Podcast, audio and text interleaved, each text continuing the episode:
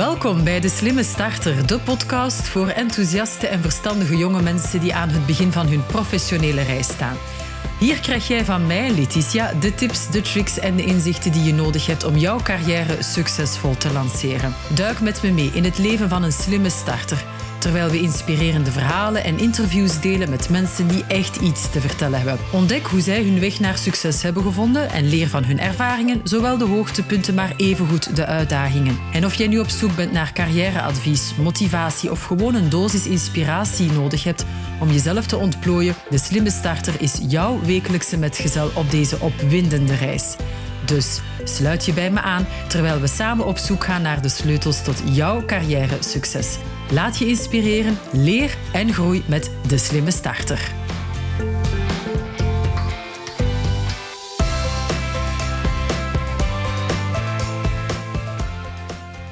Hey, hallo. Vandaag gaan we het hebben over hoe snel je eigenlijk in een totaal foute job kan terechtkomen als je als starter ja, aan die startmeet staat. En ik neem je daar eigenlijk graag mee in, in mijn eigen verhaal. Ik ga daar niet te veel over uitweiden. Maar het gaat toch gewoon over één verhaal. Wat trouwens niet alleen voor mij van toepassing is, maar zeker ook voor heel wat andere mensen uit mijnzelfde generatie die ja, ondertussen aan loopbaanbegeleiding doen. Maar dat even terzijde, want dat is niets voor jou. Dus hoe snel raak je eigenlijk in een foute job en hoe komt dat nu toch in godsnaam? Oké, daarvoor moet ik eigenlijk heel snel heel even terug naar mijn kindertijd. Ik ga dat heel kort houden. Dat ging gewoon over het feit dat, of dat gaat gewoon over het gegeven dat ik als kind ongelooflijk gefascineerd was door uh, in de reeksen van de jaren tachtig, want ja, ik ben nog van die generatie, dat um, in een reeks als Dynasty die mooie vrouwen daar rondliepen met hun mooie pakjes en die zaten in van die wolkenkrabbers en die hadden daar carrière en die konden dan eigenlijk echt wel zeggen waaraan en waaraf en die hadden zo de leiding en ja, ik was daar als kind ongelooflijk door gefascineerd. Ik vond het geweldig om te zien, want die vrouwen waren mooi, vond ik toen. En die hadden het ook voor het zeggen. Of dat dat werkelijk zo was in die reeksen, daar heb ik totaal geen idee van. Maar ik keek wel door die bril naar die ene reeks. En ja, voilà, met dat beeld bleef ik eigenlijk ook heel, heel lang zitten. Ik zou op eender welke manier wel altijd in een leidinggevende positie staan. En ik zou organiseren, allerlei zaken in elkaar steken enzovoort enzovoort. Nu, tijdens mijn secundair bleek al lang dat de studiekeuze die ik wou maken, dat die niet voor mij was weggelegd om ja, gebrek aan bepaalde wiskundige vaardigheden, laat ik het zo eventjes zeggen. Dus uh, ja, ik heb dan uiteindelijk klassieke talen gedaan en het was op dat moment gewoon logisch dat je met een klassieke talenopleiding, dat werd mij toen gezegd, dat je daarmee naar het onderwijs ging. Ik heb dan ook mijn lerarenopleiding uiteraard gevolgd. En um, ja, op het einde van mijn studieperiode, dus als ik mijn diploma had, zowel van lerarenopleiding als van klassieke talen, uh, had ik nog heel even de kans om aan een uitbreidingsjaar communicatiewetenschappen te beginnen.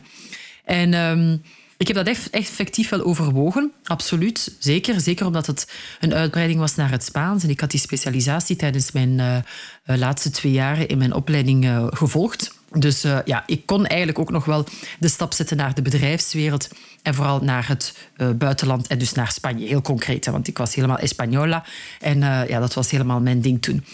Maar heel de omgeving zei me toen van, ah, Letitia, zou je dat eigenlijk wel verder doen? Want je hebt nu een diploma. Je hebt zo ongelooflijk hard gewerkt. Je bent op je tijd eigenlijk op je, aan je diploma geraakt. Je hebt een, um, een vriend hè, die, die, uh, die al aan het werk is. En uh, ja, waarom zou dat eigenlijk niet zo fijn zijn om samen een job te gaan uitvoeren en dus eigenlijk je eigen nestje te beginnen bouwen? Nu vond ik dat op zich eigenlijk wel een prettig idee, want dan kon ik echt op mijn eigen benen staan. Dan kon ik uh, verantwoordelijkheid, ja, niet zozeer de verantwoordelijkheid, maar de zelfstandigheid eigenlijk vooral hebben. Want daar verlangde ik echt wel enorm naar. En ik was het ondertussen wel een klein beetje beu met het studeren en alles wat met ja, schoolbanken te maken had. Ja, het gekke was dan eigenlijk wel dat ik dan uiteindelijk toch ging kiezen voor een job in het onderwijs. Hè. Schoolbanken gewijs dus ging ik in plaats van achter de schoolbanken voor de schoolbanken gaan staan. Op dat moment was dat een hele goede beslissing, dacht ik. En toch, ik merkte in de loop van de jaren dat ik mij heel vaak de vraag stelde van is dit eigenlijk echt wel wat ik wil doen? Want ik mis iets. Er is iets wat niet klopt. En ik zocht allerlei excuses en redenen buiten um, mijzelf om te verklaren waarom ik iets niet prettig vond. Hè. Er waren te veel regels. Ik moest me te veel aanpassen aan bepaalde nieuwe omstandigheden. Ik kon mijn creativiteit niet helemaal de vrije loop laten. Ehm, ik kon nog geen directrice worden, bijvoorbeeld. Dus altijd dat bazige. Ja, excuseer, maar dat komt toch wel redelijk vaak naar boven. Ehm, en lang verhaal kort, uiteindelijk kwam het er wel op een bepaald moment op neer dat ik voelde dat het hele onderwijsverhaal toch echt niet mijn ding was. Ook al had men mij in het begin aangegeven van Letitia, je kan goed praten, je kan het goed uitleggen. Het is um, duidelijk, je connecteert met mensen, uh, je wil die helpen, je wil die begeleiden en dergelijke. Dus die puzzelstukken die klopten allemaal. En het advies dat de omgeving mij gaf, was eigenlijk heel aannemelijk. Ik was trouwens van een, een heel rebels meisje, tiener, naar een heel volgzaam iemand geëvolueerd. Maar x aantal jaar geleden kwam die rebellie wel toch wel sterk weer naar boven. Um, en ik ben dan uiteindelijk gestopt met het onderwijs, uh, lesgeven, toekoer. En ben dan op, uh, ja, zoals we dat hier zeggen, op mijn eigen benen gaan staan. Mijn eigen zaak uit de grond gestampt. En ja, voilà, hier zit ik dus te podcasten over hoe jij eigenlijk kan gaan solliciteren. En hoe jij eigenlijk vooral dicht bij jezelf moet blijven. En dit kan misschien heel zweverig klinken van blijf dicht bij jezelf. Maar wat voor mij tot nu toe altijd heeft gewerkt, en dat wil ik heel graag meegeven aan alle jonge mensen, aan alle starters, is dat het geen of-of verhaal is. Het is geen verhaal waarbij je alleen maar op je buikgevoel moet voortgaan en moet zeggen, ah, ik denk en ik voel dat dit wel de beste oplossing zou kunnen zijn. Ik voel dat ik gemaakt ben om uh, uitvindingen te, te lanceren. Of ik voel dat ik uh, in het buitenland aan de slag moet gaan en ik zie wel wat er daar gebeurt. Dat, dat kan perfect werken, absoluut. Daar ga ik totaal niks over zeggen. Um, maar het totaal rationele, waarbij je alle puzzelstukken heel gecontroleerd wil gaan leggen en ook wil zien dat het uh, plaatje klopt, dat is het ook niet. Dus ik ben in de loop van vijf, zes jaar geleden met een bepaalde analyse in contact gekomen. Dat zijn de kerntalenten, core talents. Um, is de enige analyse die ik niet kon manipuleren. Want alle andere vragenlijsten die ik ooit voor mijn neus had gekregen, daar kon ik eh, perfect gaan uh, ja, antwoorden volgens mijn eigen wensen. Ik kon me echt een bepaald profiel gaan formuleren of gaan maken. Maar dat was de enige analyse waar ik dat niet kon. En uh, ja, ik ben heel erg blij dat ik die uiteindelijk ook heb gedaan, want die heeft me er zeker op gewezen dat inderdaad lesgeven, onderwijs inderdaad niet mijn ding was. Dus dat mijn gevoel in dat opzicht wel klopte. Maar dan was de vraag natuurlijk nog altijd welke puzzelstukken rationeel moet ik dan toch nog wel gaan leggen om dan aan een ander avontuur te gaan beginnen. Wat ik daarmee eigenlijk vooral wil aangeven, lieve schatten van starters, is dat het niet alleen een kwestie is van te luisteren naar alle mogelijke tips, en nu ben ik zelf tips aan het geven. Oké, dat is waar. Ik ben nu zelf tips aan het geven. Maar wat het punt is, heel wat mensen vertrekken vanuit hun eigen ervaring en gaan van daaruit zeer specifiek gaan aanraden wat je wel of niet moet doen. En daarmee bedoel ik, stel je bent een verkoper en iemand, je papa of je mama, is daar, ja, heeft daar niet zo prettige ervaringen mee. Dan gaan ze de niet prettige ervaringen, bedrijven eventueel ook of werkomgevingen, gaan ze aanraden van daarvan weg te blijven, bijvoorbeeld. Want om die en die reden heeft dat voor hen niet gewerkt. En daar zit een kern van waarheid in, maar eentje voor hen, niet één voor jou. Hetzelfde geldt voor um, als je het gevoel hebt dat je omgeving, misschien je ouders, maar misschien ook nog andere mensen, een bepaalde opleiding in jou zien en ook van jou gaan verwachten, of een bepaalde job in jou zien en van jou gaan verwachten. Omdat, ja, waarom?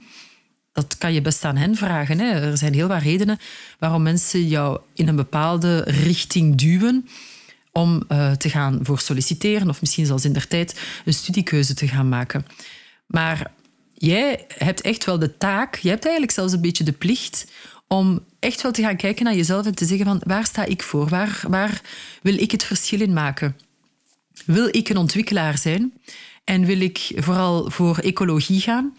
Dan um, ga ik eigenlijk vooral naar bedrijven die dat echt, echt, echt, echt, echt, echt uitdragen. En die niet alleen zaken ontwikkelen of die niet alleen op hun website spreken uh, omdat ze moeten spreken over ecologie, maar die werkelijk producten ontwikkelen waarvan ik merk, weet, ondervind, vertrouw dat die op ecologisch vlak ook effectief het verschil gaan betekenen binnen nu en tien jaar. Ben jij bijvoorbeeld een heel mensgericht persoon en jij vindt het heel belangrijk dat alle, uh, ik zeg nu maar iets, alle kinderen worden geholpen, in welke situatie zij uiteindelijk ook opgroeien, dan is het voor jou van heel erg groot belang dat jij die werkomgevingen vindt die overeenkomen met jouw normbesef, met jouw waarden, met waar jij voor staat.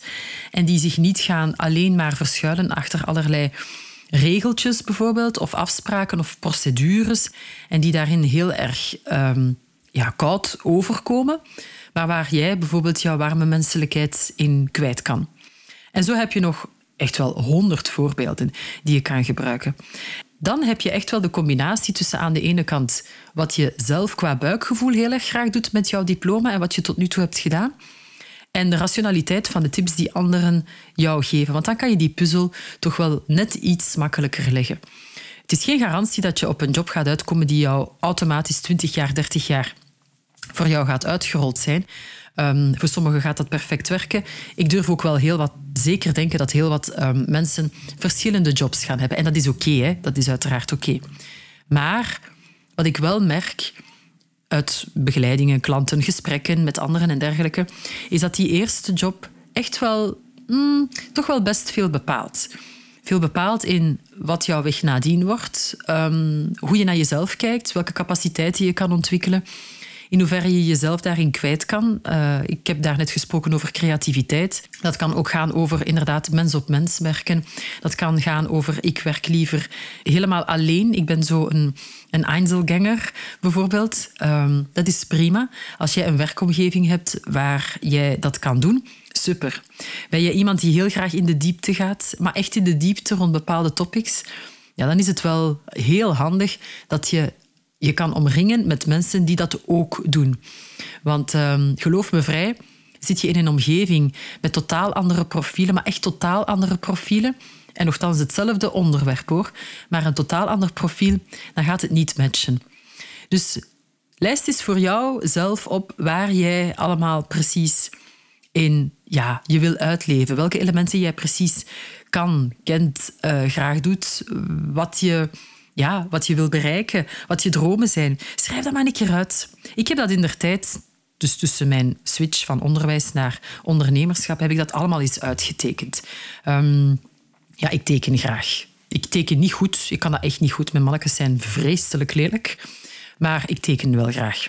En voilà, ik heb die tekeningen gemaakt, verbindingen gemaakt, laten zakken uh, in mijn hoofd, um, de rustige momenten gekozen om dat eens allemaal te gaan uitzoeken. En van daaruit teruggefilterd ja, wie ik werkelijk ben. En dat heb ik dan als pakketje meegenomen om te gaan kiezen wat ik nadien zou doen. Met mijn diploma, met mijn opleidingen, met al mijn kennis die ik op dat moment uh, had. En geloof me vrij, het is geen verschil of jij nu uh, net bent afgestudeerd of al x aantal jaren aan het werk bent. Je staat op een bepaald moment in een bepaalde kwaliteit, een bepaalde kunde. Het is van daaruit dat je vertrekt. En dat wil ik je heel, heel, heel graag meegeven als tip waar je wel naar luistert. um, om dat mee te nemen. En niet de droge tips van je mag niet um, ja, bijvoorbeeld competitief zijn. Of je moet altijd rekening houden met andere mensen. Ja, dat weten we ook allemaal wel. Maar als je merkt dat dat zaken zijn die niet helemaal voor jou opgaan, dan ga je best naar werkomgevingen waar dat iets minder relevant is en waar dat iets minder uh, wordt gevraagd. Dus um, ja, hoe kan je eigenlijk snel in een verkeerde job terechtkomen. Eén, door niet naar je eigen hart te luisteren. Door twee, eigenlijk je eigen capaciteiten niet naar waarde te schatten. Of de verborgen capaciteiten niet te zien ook. En door je blindelings over te laten aan alle mogelijke tips die anderen je geven. Behalve die van mij. Oké. Voilà. Meer is het eigenlijk niet vandaag. Maak eens die oefening. Teken het uit componeer een stuk waar het uh, voor jou duidelijk wordt. Um, schrijf het uit. Neem een podcast op bijvoorbeeld, of doe een opname. Ga eens goed gaan sporten, maak een wandeling. Het maakt eigenlijk niet uit. Doe eens een goede babbel met vrienden en vriendinnen. Vertel eens aan elkaar bijvoorbeeld wat je apprecieert in de anderen en wat zij in jou appreciëren. Dat maakt je beeld nog eens een keertje een heel pak um, completer, zodat jij weet, ja, voilà, hoe jij bij anderen bent, hoe jij voor jezelf bent, wat ze in jou zien dat jij misschien nog niet ziet, zodat jij jouw beeld volledig kan gaan aanvullen. En um, neem dat als startpunt om te gaan zien welke vacatures, welke bedrijven daarbij aansluiten. Het gaat jouw zoektocht een heel stuk makkelijker maken. Of het de oplossing biedt, dat is een andere vraag. Daar hebben we nog een paar podcasts voor, uiteraard. Maar dit is zeker al een hele, hele waardevolle uh, om mee te starten. Dus ik wens je in elk geval al superveel plezier ermee. Maak het je heel gezellig. Dat is uh, altijd prettig uiteraard om dat zo te doen. En uh, vooral, deel het. Laat het mij weten of laat het ook anderen weten wat jij daar eigenlijk uit, uit hebt gehaald. Wat er voor jou werkt en wat er vooral ook voor jou niet werkt.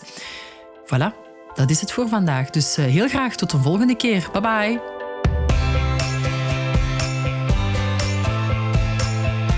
Dit brengt ons al aan het einde van deze aflevering van De Slimme Starter. Ik hoop dat je hebt genoten van de inspirerende verhalen, de waardevolle inzichten en de praktische tips die ik vandaag met jou heb gedeeld.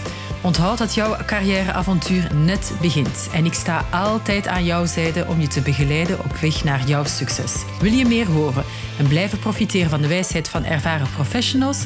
Abonneer je dan op mijn podcast en mis geen enkele aflevering. En vergeet niet om me te volgen op social media zoals Instagram, Facebook en LinkedIn.